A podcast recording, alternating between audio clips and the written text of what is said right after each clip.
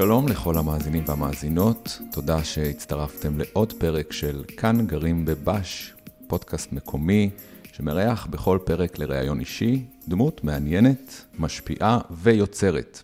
אני תימור מיכאלי והפעם איתי כאן היום האומן, הצלם ויזם התרבות, יוגב ואנונו. שלום יוגב. אהלן תימור. מה שלומך? אה, בימים האלה קצת מורכב, אבל משתדלים אה, להסתכל על הנקודות החיוביות. אה, אוקיי, תכף נגיע לזה גם. אומן וצלם, הבנתי. מה זה אומר יזם תרבות? בעצם יזם תרבות זה מישהו שמזהה הזדמנויות בשטח, ובעזרת הקשרים ובעזרת הכלים שיש לו, גורם להם לקרות. בעצם. ומה היוזמה שלך? אה, אז, אז אני, אני מתעסק בהמון דברים, אה, חלקם אה, דברים שקשורים בקהילה, חלקם דברים שקשורים בפיתוח אמנים וקידום התרבות פה בעיר. והיום אתה בעצם מנהל גלריה.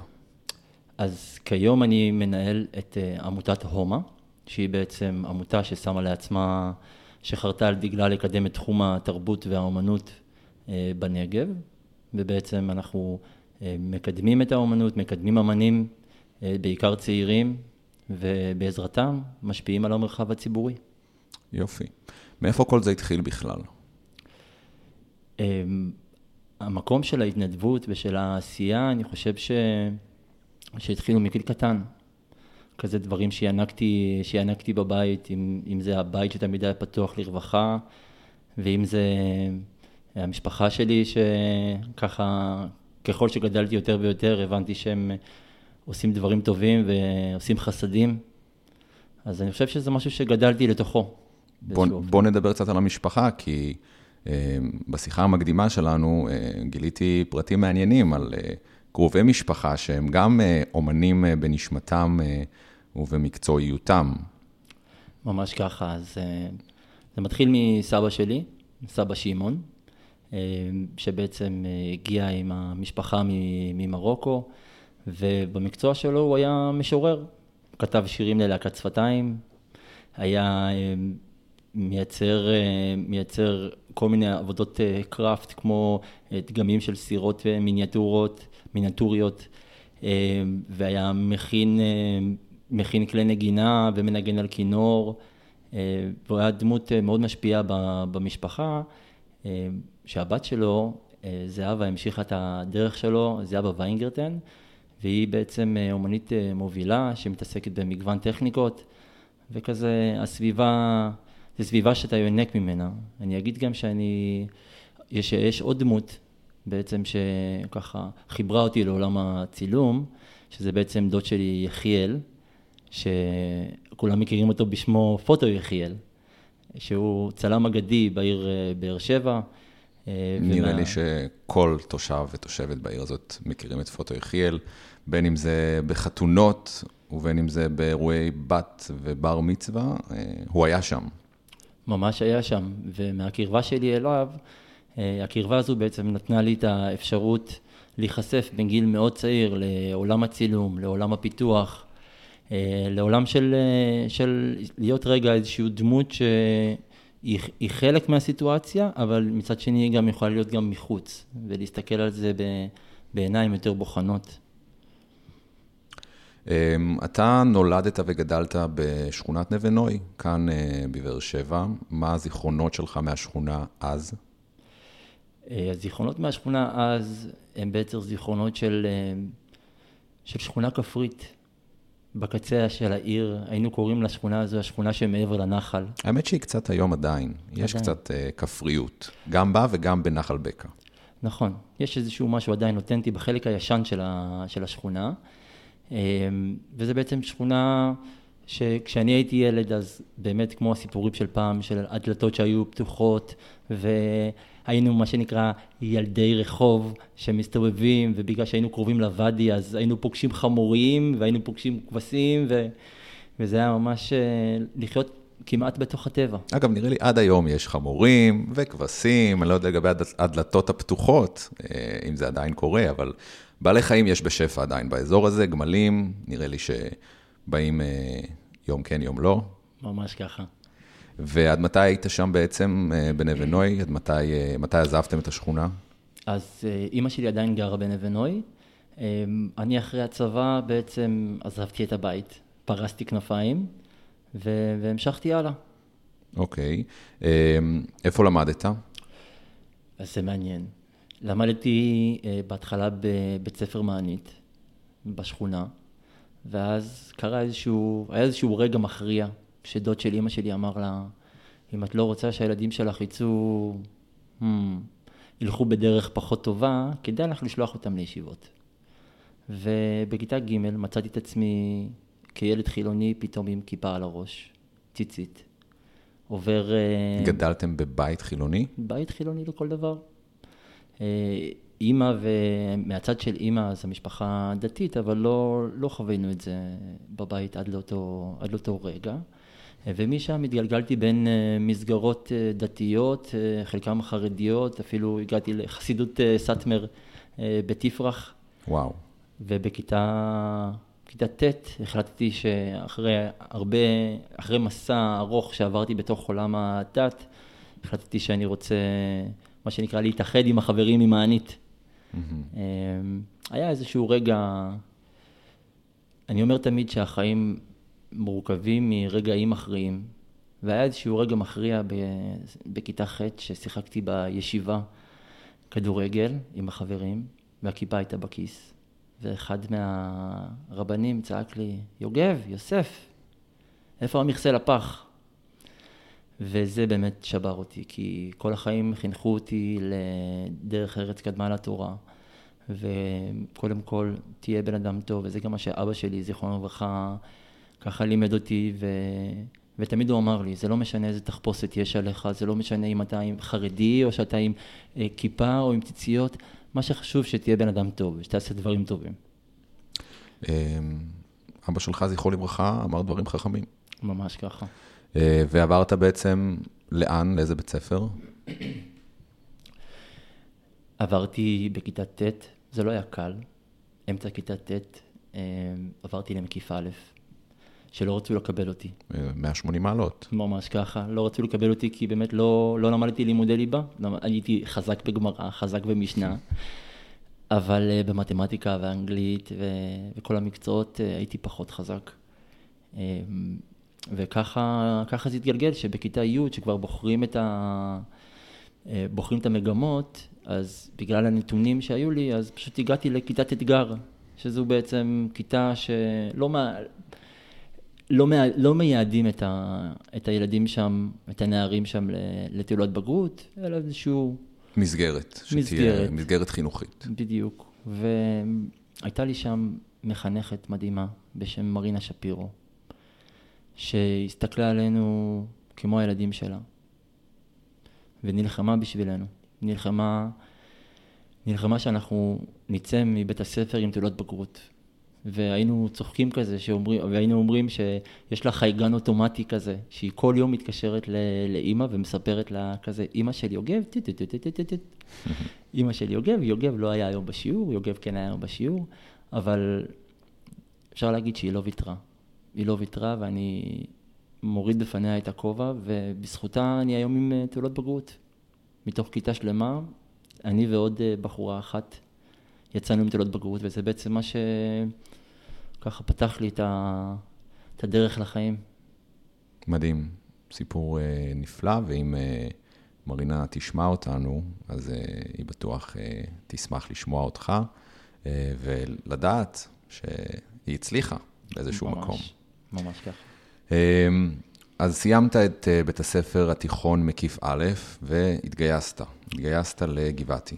נכון מאוד, אני רק אציין שבבית הספר התיכון הייתי אה, ככה, מתוך המקום הזה של מצד אחד הייתי אה, די מפוזר, אה, אבא שלי נפטר בגיל 16, אה, אז ככה עדיין הייתי צריך אה, למצוא את עצמי, אבל כן חיפשתי מקורות להיאחז בהם, אם זה במשמר האזרחי, לבלות שם זמן, ואם זה אה, במועצת התלמידים, ואם זה לנהל את הצוות הטכני של הצגת הפופר השנתית של מקיף א', במשך uh, שנתיים, זה דברים ש...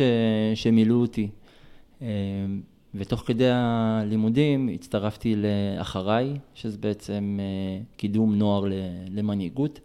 ודרכם הגעתי לגבעתי, גבעתי, גדוד צבר, שלוש שנים, עזה, התנתקות, עוד קצת עוטף עזה.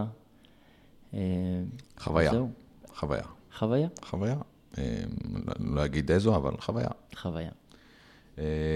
ומה החלטת לעשות אחרי השחרור? אז אחרי השחרור הלכתי לעבוד, להרוויח, להרוויח כסף לטיול הגדול, והחלטתי שאני עושה את זה במקום שהוא טיפה, טיפה מרוחק מהעיר, ועברתי לירושלים. בירושלים, בגלל העבר הצבאי שלי, אז התחלתי לעבוד ברובע המוסלמי, בתוכנית של ליוויים. בעצם היינו מאבטחים סמויים, חמושים, שמסתובבים בעיר העתיקה, בירושלים, ומלווים יהודים שגרים בתוך הרובע המוסלמי אל מחוץ לרובע וחזרה הביתה.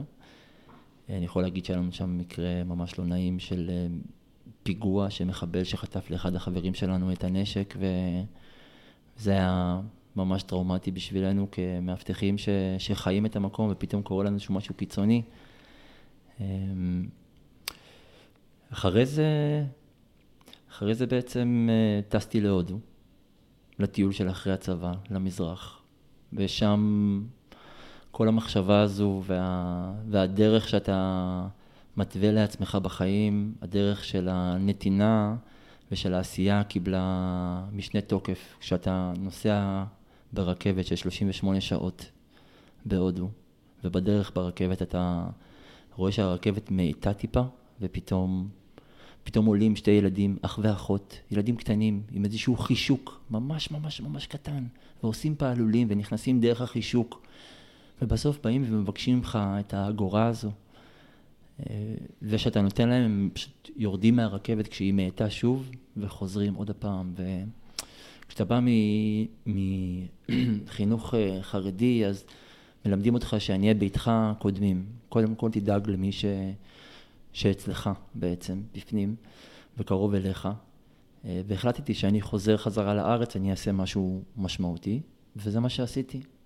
התחלתי לעבוד, חזרתי לארץ ב-2009, והתחלתי לעבוד בפנימיית אשלים בנווה נוי, פנימייה מאוד מוכרת, מאוד מורכבת ומאתגרת. חזרת לשכונת ילדותך. חזרתי לשכונת ילדותי, ואני אספר משהו שאני קצת מתרגש, אבל כשעבדתי שמה, סיפרתי לאח של אבא שלי שאני עובד בפנימייה ובשכונה ובנווה נוי, והוא אמר לי, איזה קטע.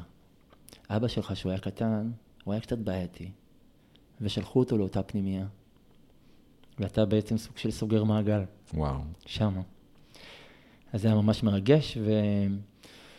ובפנימייה הזו, זו הייתה פנימייה די, די מורכבת. הילדים שם היו, כל אחד מהסיפור... היא לא פעילה כבר, נכון? היא כבר לא פעילה, okay. אוקיי. כרגע יש שם את המודיעין, משהו כזה, של צה"ל. וזו הייתה פנימייה שהיו בעצם ילדים, היו בה ילדים שהוצאו בצווי בית משפט מהבתים, ילדים עם עבר פסיכיאטרי. ולא היה קל. גם שם רמת המעורבות ורמת הרגש הייתה מאוד גבוהה, כאשר אחרי איזה משהו כמו שנה הודיעו לנו המדריכים שנגמרו התקציבים לעמותה ולכן צריך לקצץ ואנחנו לא הסכמנו לזה ולא הסכמנו שיורידו בעצם את ה... יורידו את התמיכה הפסיכולוגית לילדים שנוטלים כדורים ולא הסכמנו שעל פנימייה שלמה עם שמונה בתים של ילדים, יהיה רק מדריך אחד בלילה. ויצאנו למאבק נגד משרד הרווחה. הצלחנו להשאיר בעזרת המאבק הזה את הפנימייה הפתוחה עוד שנה, שנה וקצת, אבל, אבל זה עלה במחיר גם של סגירת הפנימייה, ולצערי גם לפיטוריי, כמישהו שהוביל את המאבק לטובת הילדים. לא היה לי בעיה שיפטרו אותי. העיקר שלילדים יהיה, יהיה טוב, וזה הספיק לי קצת, לצערי. כן, סיפור נורא עצוב. בכלל, כל מה שקורה עם פנימיות ומוסדות לאנשים שצריכים את התמיכה, מהמדינה במיוחד, ומאיתנו, מכולנו, אנחנו עדים לסיפורים לא פשוטים. ובואו נקווה שלא נשמע עוד דברים כאלה, ושבסוף אה, המקומות האלה והאנשים האלה שזקוקים להכי הרבה חום וחיבוק ואהבה, וגם משאבים, זאת לא בושה להגיד, ממש. וגם משאבים, אה, יקבלו את זה. אני יכול לספר גם שבעצם, ה... שבעצם הכלי, ה... הכלי שהיה לי כל החיים הוא בעצם המצלמה. מגיל קטן אה, יש לי תמונות של עצמי, עושה סלפי מול מראה של עצמי, ככה עם כל מיני מצלמות פוקט אה, ישנות, ולפנימייה הגעתי עם אותה, עם אותה מצלמה. ובעזרת הצילום, היום יש פוטותרפיה ויש כל מיני קורסים כאלה, אבל פשוט בעזרת הצילום הצלחתי להתחבר לילדים, הבאתי להם את המצלמה, לא חששתי שישברו אותה או שיהרסו אותה. פשוט זה היה ממקום של, של נתינה, והמצלמה ככלי אה, ממש עזרה לילדים, גם לבטא את עצמם, וגם להיכנס לתוך מקום כזה של, הנה רגע, אני יוצר משהו, אני לא מתעסק בדברים הטפילים, אני מתעסק בדברים חיוביים, בדברים שהם כיפים. אה, וזה היה מקסים לראות את זה. המון אה, מהבני נוער שם, אני פוגש אותם היום, וממש מרגש, נמצאים במקום אחר לגמרי בחיים, חלקם עשו צבא, חלקם uh, עובדים היום ב-HP, ממש. זה כיף. כן. Uh, וזה הוביל אותך בעצם לאחר שסיימת באשלים, ללמוד באופן מקצועי את עולם הצילום. נכון מאוד. אז uh, התקבלתי ל... ללימודי הצילום במכללת uh, ספיר, uh, ושם עברתי uh, תקופה מעניינת מאוד, מעשירה מאוד. שפתחה אותי לעולם, אני תמיד אומר שהצילום הוא היה הפתח ש... שאפשר לי להיכנס לתוך עולם התרבות. אז מצד אחד, אה, אז אוקיי, אז הצילום הוא צילום מקצועי וצילום אומנותי, אה, ואתה מציג בתערוכות ו... ו... וכולי, אבל מצד שני אתה גם אה, מסתכל על עולם התרבות ואתה רואה שאתה, שהדלת פתוחה, שאפשר להיכנס, אפשר להשפיע, לא רק בעזרת הצילום. אז למדתי צילום, ולקראת סוף, ה, סוף הלימודים היה לנו מרצה שאמר לנו, בואו, תפסיקו להיות אומנים בודדים שיוצאים לבד ומצלמים, או מציירים, או עושים את הדברים שלכם בסטודיו. אולי כדאי שתשלבו כוחות. יש איזושהי שיטה שנקראת integral art, שבעצם משלבת בין סוגי אומנויות שונים, בגלל שאנחנו בעידן הפוסט פוסט, פוסט, פוסט, פוסט מודרניזם, מודרניזם, שבו קשה מאוד להמציא משהו חדש. אה, וגם אם תמציא, אז זה יהיה וואו, אבל זה מאוד אה, קשה, ואולי בעזרת או בשיתוף אה, אומנים אחרים תוכל לייצר איזשהו משהו שהוא שונה בנוף. וככה עם, ה... עם האמירה הזו יצאתי מהלימודים והתחלתי לגשש ברחבי העיר באר שבע. ומצאתי שותפים מקסימים ש... חלקו איתי את אותו רעיון ואת אותן מחשבות ורגשות.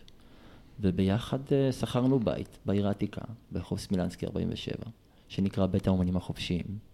קראנו לו בית האומנים החופשיים, מתוך מקום של לייצר אומנות חופשית, לייצר אומנות שהיא של כולם, ושהיא אה, מורכבת מסוגים שונים של אה, אומנויות, וחשבנו לייצר בית לאומנים צעירים. יש את בית האומנים אה, שהוא המקום הוותיק אה, לאומנים בעיר העתיקה, לאומנות הפלסטית. לגמרי. אז יש את בית האומנים, ואנחנו אה, פשוט דיברנו, ועדיין מדברים בשפה קצת שונה. אה, גם ברמת האנשים שנמצאים, וגם ברמת הפעולה. אנחנו אה, גם יוזמים וגם מפיקים אירועי תרבות, וגם יוצאים למרחבים הציבוריים, ומשפיעים עליהם בעזרת, ה, בעזרת האומנות, האומנים והתושבים. אז אנחנו בעצם חיפשנו בית לאומנות, אבל שהוא שלנו. והקמנו שם את הבית לאומנות, בית האומנים החופשיים, uh, ומה שקרה שם זה היה פשוט מקסים. הבית uh, הוא היה בית מהתקופה העות'מאנית, שאליו היו מגיעים המון אומנים שחיפשו גם הם את, ה, את המקום הזה. את הקיר החיצוני ציפינו בפלטת גבס באישור בעל הבית. וכל שבוע היינו עושים ישיבות ומפגשים במרחב הציבורי, ברחוב סמילנסקי. מציירים, מצלמים, מצלמים וידאו ומקרינים את זה תוך כדי, מנגנים, והיום קוראים לזה placemaking. אה, אז פשוט עשינו. אה, העירייה, אני יכול להגיד, בתקופה ההיא לא, לא כל כך הבינה אותנו, לא כל כך ידעה מה, מה אנחנו עושים. החבר'ה האלה מוזרים, יושבים ב, באיזשהו בית, כל הבית מלא ביצירות אומנות, או מלא בדברים שהם קוראים, הם קוראים להם יצירות אומנות. יוצאים למרחב הציבורי, כביכול מלכלכים את המרחב הציבורי באמצעות הציורים שלהם והאומנות שלהם, אה, וזה לא היה ברור להם. לא היה ברור ברמה שבערך כל שבוע קיבלנו דוח של 750 שקלים. וואלה. על אה, לכלוך המרחב הציבורי. אה, כשאנחנו עושים את הדברים בהתנדבות מלאה ועושים את זה, מוציאים כסף מכיסנו ורוצים בעצם לפתח את התרבות כאן, את תרבות הרחוב כאן. אחרי משהו כמו חמש או שש דוחות, פשוט גם לנו כבר הגיעו מים עד נפש ובעזרת כתבים מקומיים יצאנו בסדרה של כתבות על האם האומנות היא במרחב הציבורי היא אומנות או לכלוך. אה, וזו שאלה שבאמת, אה, שבאמת נשאלה. שאלה פילוסופית. ממש ככה. אה, אז, אז אני יכול להגיד ש, שבעקבות הכתבות האלה, כמובן, ביטלו את הדוחות, ופתאום הופענו בבתים הפתוחים בעיר העתיקה, שרק התחיל בזמנו, נדבר על 2012 כזה, 11. ולצערי, בגלל החוסר תמיכה ש, שחווינו, והעול הכספי היינו צריכים להחזיר את המפתחות אה, ולוותר כרגע על החלום הזה של הבית. הסטארט-אפ הראשון נסגר. מה, הסטארט-אפ? אה, אה, ניסיתם, כל... הקמתם את הסטארט-אפ. נכשלנו. נכשלתם. אפשר להגיד שנכשלנו. זה קורה ללא מעט יזמים, בוא נכון. נגיד, בוא נודה. נכון מאוד. אז בעצם סגרנו את הבית וכל אחד הלך לדרכו. אה, ואני חושב בדיעבד שהסיבה שלא יכלו להתייחס אלינו כזו ברצינות, כי היינו אסופה של אנשים שהיא אה, לא הייתה מגובשת תחת איזשהו, איזשהו ישות משפטית כלשהי. ואת זה הבנו אה, והתחלנו לפעול לקראת בעצת מר יאיר נגיד, ראש מינהל התרבות של העיר, שאמר לנו, ככה אנחנו לא יכולים לדבר איתכם, אבל אם תקימו עמותה או תהיו איזשהו ארגון כלשהו, אז אנחנו נוכל לתקשר, כי אתם עושים דברים מעניינים, שמעניינים אותנו, ואנחנו רוצים לקחת חלק בדבר הזה. אבל אנחנו לא יכולים לעבוד או, או לתמוך בכם ברגע שאתם לא איזשהו גוף שאנחנו יכולים לדבר איתו. ומשם יצאנו לאיזשהו מסע. אספנו חזרה את החברים מהבית האומנים החופשיים, והקמנו uh, את עמותת הומה.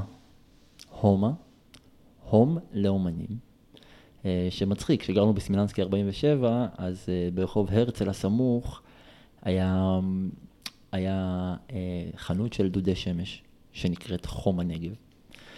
ואז כשחשבנו על השם הומה, פתאום קפץ לנו, רגע, הומה, הומה נגב, כי ככה נקרא אתר אינטרנט שלהם, ואמרנו, הנה, זה השם שלנו, הומה נגב. ו... יצאנו לדרך, בשנת 2018 עשינו אירוע פתיחה במכללת קיי שחיבקה ואימצה אותנו. אמ, התחלנו לקיים... נראה לי אפילו שהייתי בו. נכון, היית. נראה לי שהייתי בו. היית כן, בו. היה מאוד יפה. היית ועזרת וסייעת בכל מה שצריך, ותודה רבה לך על זה. אנשים עדיין זוכרים את האירוע הזה, זה היה אירוע מאוד מרשים. אמ, משם יצאנו לדרך והתחלנו לפעול ברחבי העיר, אם זה בפסטיבל ספילנסקי, שיצרנו שם שדרה של אמנות פלסטית ראשונה מסוגה. ואם זה במכללת קיי, שעשינו ערבי רישום, אה, ערבי ציור, ערבי שירה. אמ,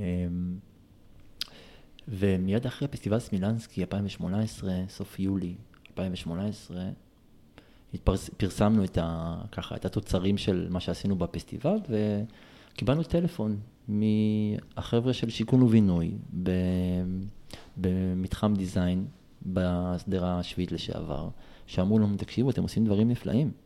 הבנו שאתם מחפשים בית. רוצים?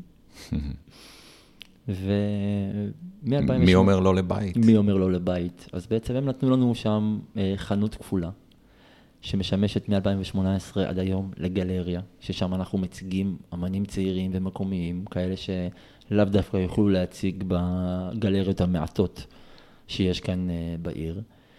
אה, וה... והדיזיין עצמו גם נותן לנו את המקום ואת הבמה ואת הסיוע אה, לייצר פסטיבלי אומנות. בעצם פסטיבלי אומנות שנתמכים על ידי הדיזיין ופתוחים באופן חופשי לקהל הרחב, ואנחנו את התוכן התאמנו לילדים, למבוגרים וככה לכל המשפחה. וזה משהו שעדיין עדיין עובד, ממש. יפה, והיה גם שיא לפני כמה שבועות, תספר עליו. וואו, אתה מדבר על משרד התרבות, כן. על מפעל הפיס. אז כן, אז אני רק אגיד לפני זה, שב-2000, בסוף 2018 היינו אצל רוביק בפגישה, ודרשנו, בוא נגיד את זה ככה, ביקשנו, דרשנו. דרשנו בית לאמנים שאספנו, לאסופה של החבר'ה הצעירים האלה שמחפשים רגע את המקום, לשהות בו, מקום ליצור בו, מקום להתחבר ולייצר שיתופי, שיתופי פעולה. ולשמחתנו אה, רוביק נהנה, ונותן לנו שתי אפשרויות.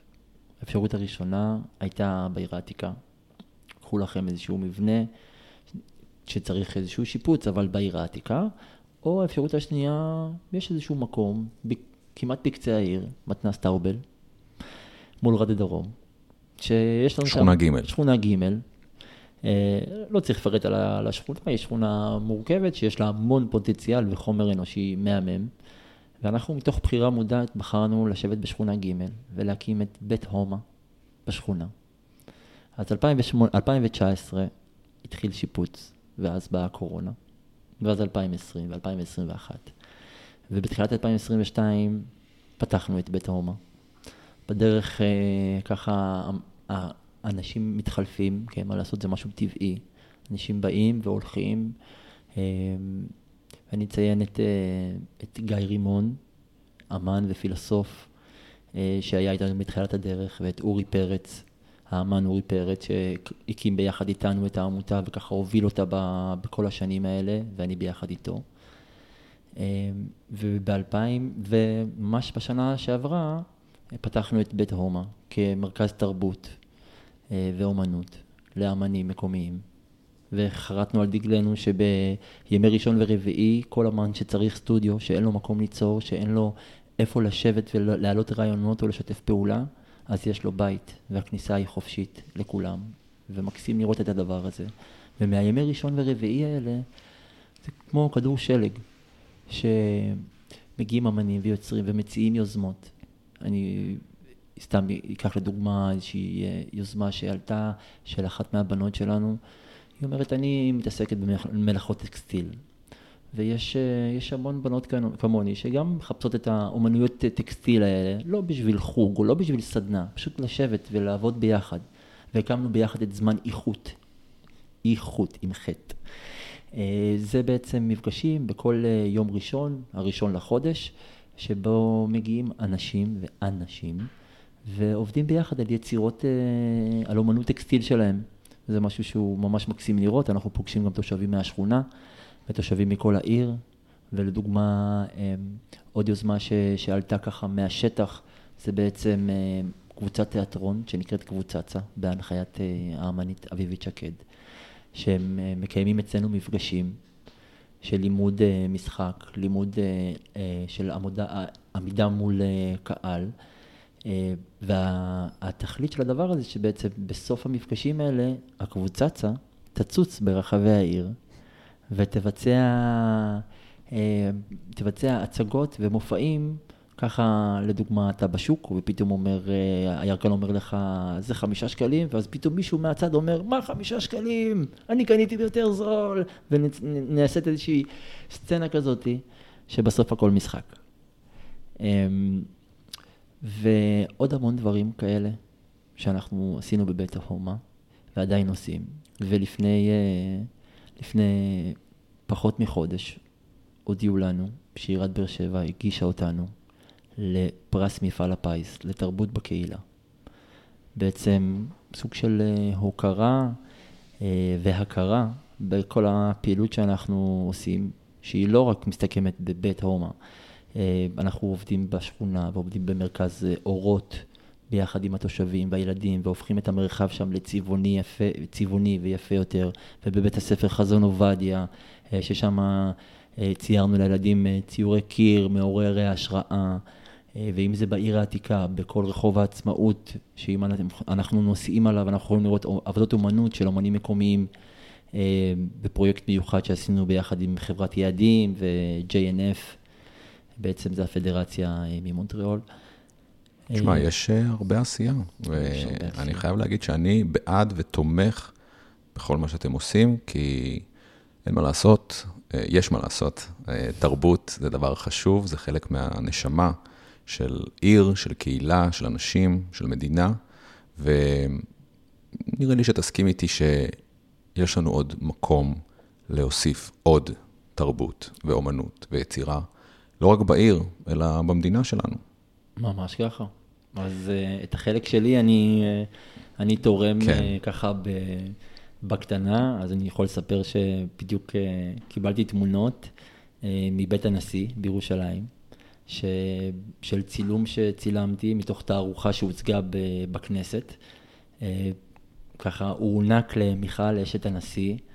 כחלק מפרויקט שעשיתי עם נשים אתיופיות מבית ביתא ישראל.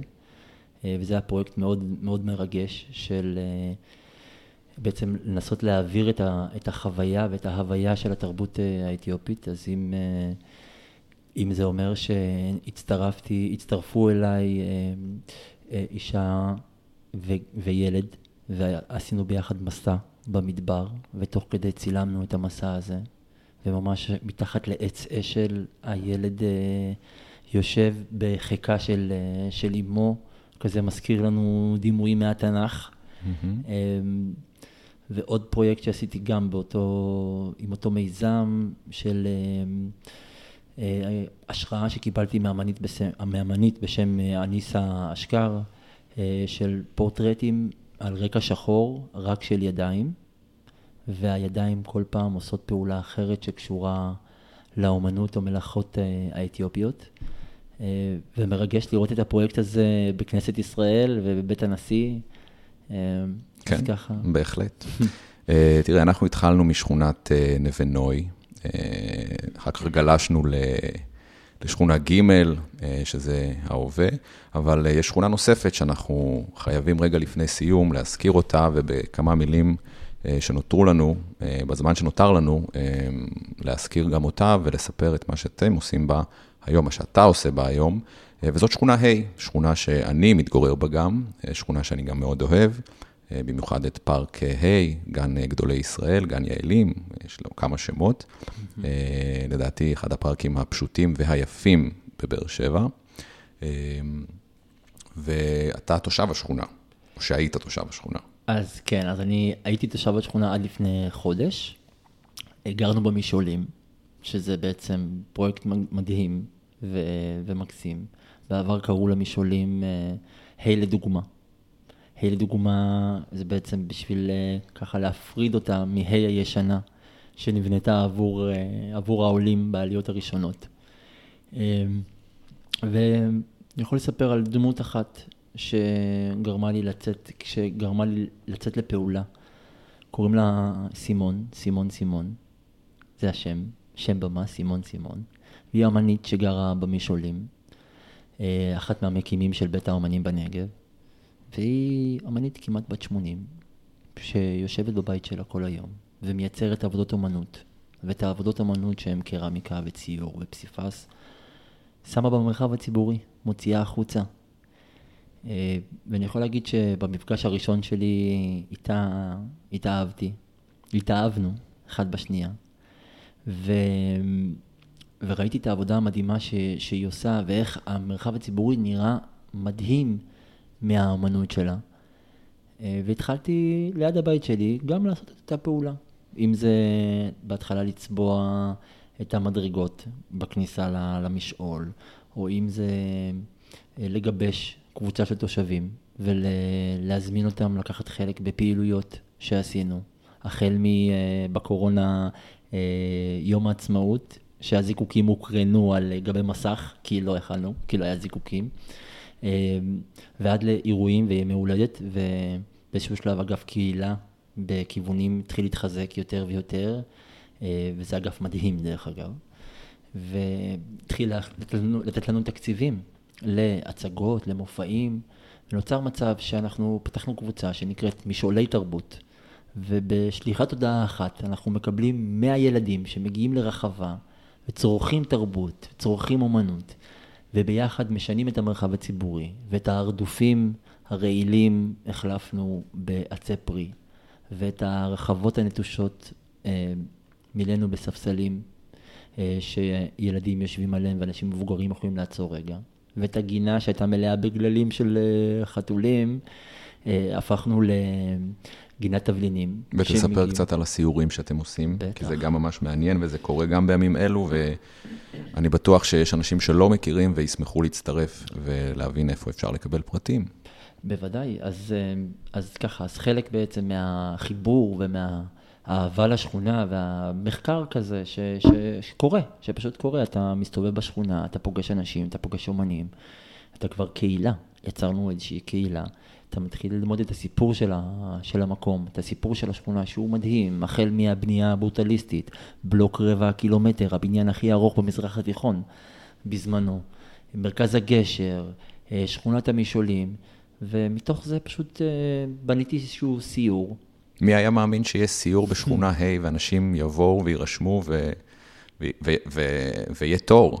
ממש ככה, ולא רק שיהיה תור, אנחנו גם uh, בסיור uh, תואמים, זה גם סיור שמדבר על אדריכלות, וסיור שמדבר על uh, תרבות ועל קהילה, ועל קהילות מיוחדות שגרות בתוך, ה... בתוך שכונה ה', uh, וגם קולינריה, אתה יודע, יש קולינריה בשכונה ה', יש פלאפל הגשר, ויש את עידן בן ברוך, בעצם. שזה הקונדיטור. פ... הקונדיטור, שזה patisserie מדהים, ואנחנו טועמים אלכוהול במשקאות אימפריה.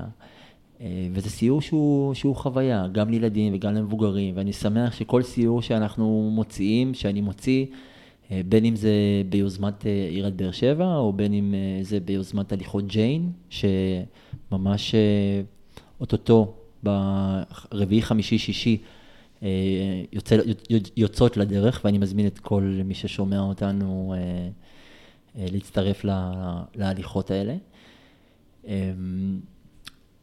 וזה פשוט מקסים. איפה מקבלים פרטים? לאן נכנסים כדי לקרוא ולהצטרף? אז יש בעצם דף שנקרא הליכות ג'יין. דף פייסבוק? דף פייסבוק שנקרא הליכות ג'יין, באר שבע. אפשר להירשם להליכות, ההשתתפות היא ללא תשלום, ממש. מתוך מקום באמת של אה, לאפשר לאנשים לראות את העיר באמת, להגיע למקומות נסתרים אה, ולמקומות שאנשים לא הכירו. אני יכול להגיד שאנשים שגרים בשכונה ה' אחרי הסיור ש... הסיורים שאני מעביר, מספרים שהם גילו עולם חדש, שהם גרים בשכונה עשרות שנים ולא ידעו את הסיפור של השכונה. אה, אז אני מזמין את כולם להצטרף לדבר הזה. תודה. יוגב, אני חושב שזאת הייתה אחת השיחות המעניינות והמרתקות. ואני בטוח שגם המאזינים שלנו אה, נהנו. אה, תודה שהיית איתנו. תודה לך, תימור, שהזמנת אותי.